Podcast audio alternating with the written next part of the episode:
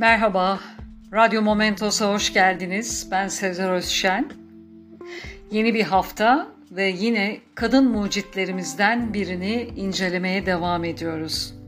Bugünkü mucit konuğumuz Amerika Massachusetts'ten yuvarlak testere icadıyla Tabitha Babbitt.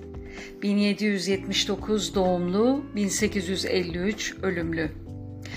1800'lerin başında testereyle herhangi bir şeyi kesebilmek için iki kişiye ihtiyaç duyuluyordu.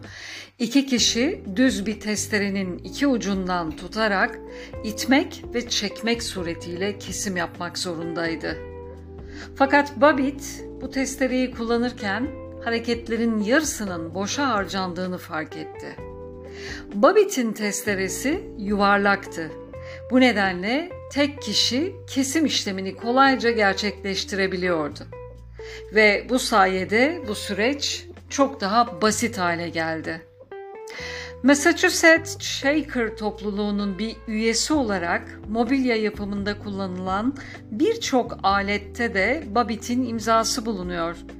Fakat Babbitt bu buluşları için patent başvurusunda bulunmamış. Bu yüzden de mucitler listesine dahil edilememiş. Enteresandır. Bu kesim işlerini genellikle erkeklerin yaptığı düşünülürse bir kadının bunları inceleyip, gözlemleyip de pratik bir sonuca ulaştırması takdire şayan diye düşünüyorum. Işıklarda uyusun. Dinlediğiniz için teşekkürler. Hoşçakalın. Momentos'ta kalın.